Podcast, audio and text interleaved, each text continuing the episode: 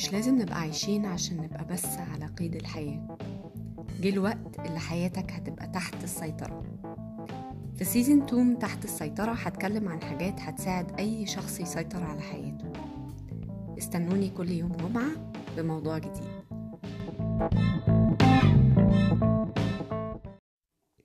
أنا نور النحلاوي صيدلانية ومرشدة صحية.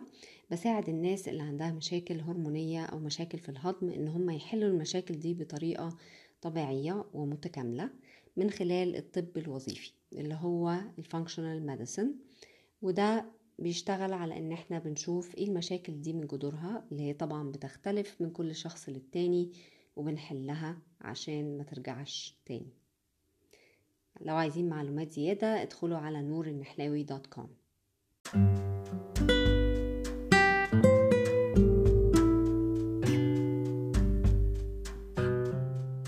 أنا مش خبيرة علاقات بس لازم أتكلم عن العلاقات لأن مفيش حياة صحية من غير علاقات صحية.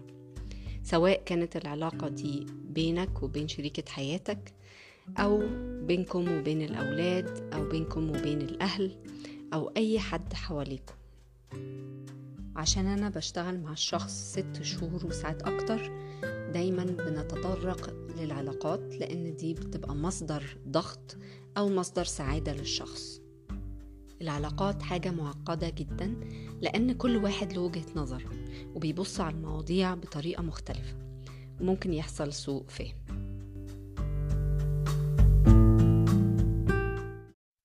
وعشان أنا مش خبيرة في العلاقات هكلمكم عن لسان دكتور جاري تشابمان كاتب The Five Love Languages. بيقول إن تعبير كل واحد عن الحب ولغته في الحب مختلفة عن التاني فبالنسبة له هو في خمس لغات للحب. الكلام الهدايا الأفعال اللمس والوقت إن الواحد يدي وقت للشخص التاني. ففي ناس بتعبر عن حبها بالكلام. وفي ناس بتحس بالحب بالهدايا ومش معناها إن الشخص ده بيكون مادي بالعكس تمن الهدية هنا ما بيفرقش. لكن الفكرة والتفكير في الشخص بيحس إن هو cared for والناس تانية بتفكر فيه لما تجيله هدية.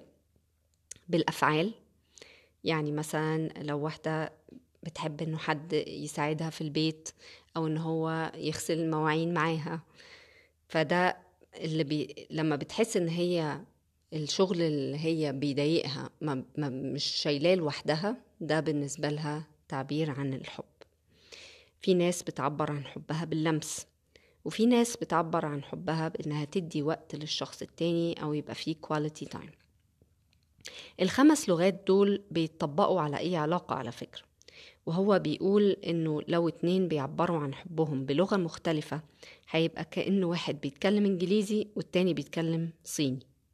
استحالة يفهموا بعض وبيحصل إحباط.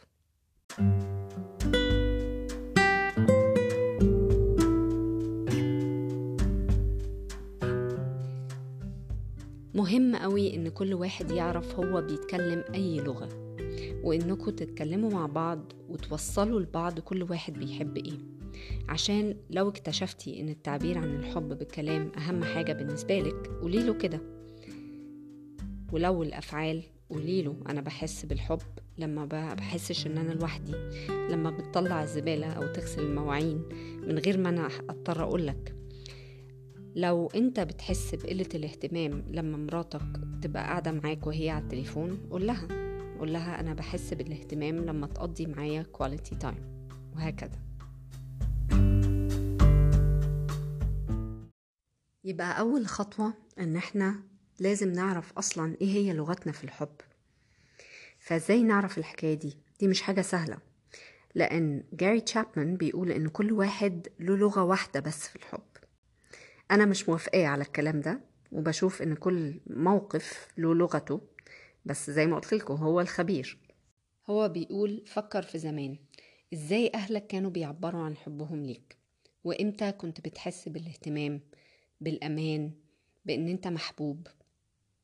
ممكن كمان تفكري إيه أول حاجة بتيجي على بالك لما تفكري تعبري عن حبك لحد؟ بتفكري تجيبي له هدية؟ بتفكري تقعدي معاه؟ فده برضو بيقول حاجة عن لغتك انت في الحب. وآخر حاجة فكر في أكتر حاجة بتضايقك من شريكة حياتك وعكسها. هي دي هتكون لغتك. علشان الواحد يعرف أكتر عن نفسه في كويز موجود على 5lovelanguages.com يعني 5 مكتوبة بالرقم رقم خمسة. لو عملتوه هتعرفوا إيه هي لغتكم.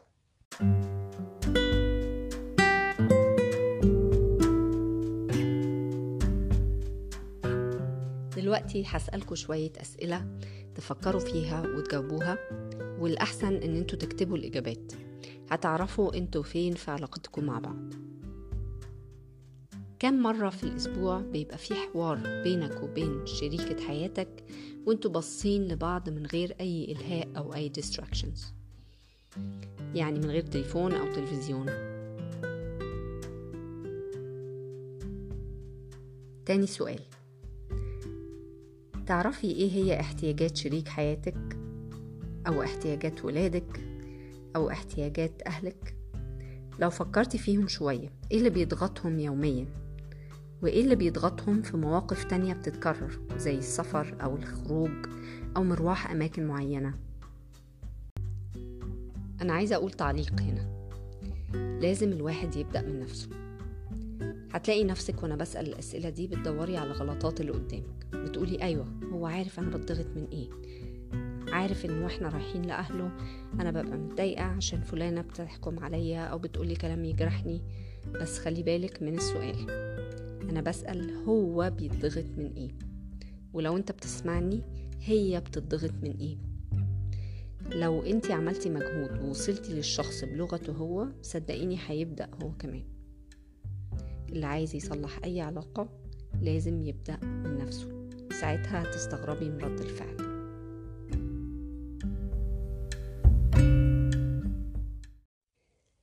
السؤال اللي بعد كده. هل شريكك فاهم احتياجاتك؟ وهل شريكتك فاهمة احتياجاتك؟ بتعرف تعبر عن الحاجات اللي محتاجها تتغير في العلاقة من غير عصبية؟ أو حتى من غير كلام بطريقة حادة؟ إيه القرارات اللي أنتم متفقين تاخدوها مع بعض؟ دلوقتي ممكن تكتبي أو تكتب الإجابات على الأسئلة اللي فاتت وتفكر إزاي ممكن تعمل حاجة واحدة عشان تحسن العلاقة دي. إيه الخطوات اللي ممكن تاخديها عشان تسمعي شريكك وتعرفي احتياجاته؟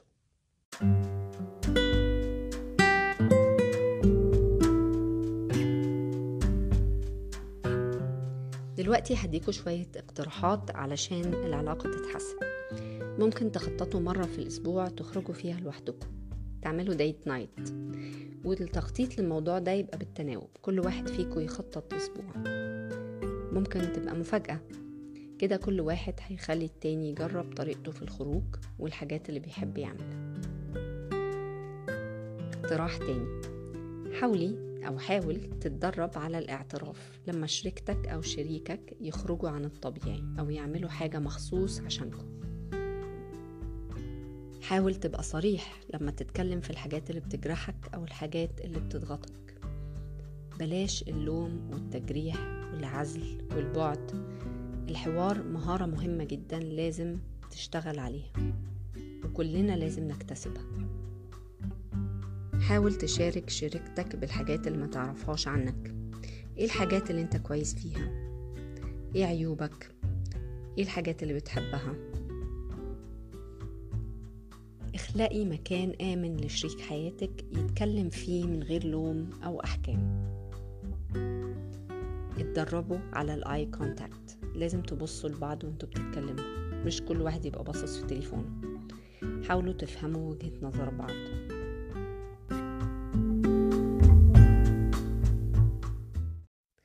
دي كانت الحلقة الثامنة من تحت السيطرة. بتمنى تكون عجبتكم واسمعوني الجمعة الجاية. ما تنسوش تتابعوني على ال social media باسمي نور النحلاوي. هتلاقوني على تويتر يوتيوب انستجرام أو فيسبوك. سلام.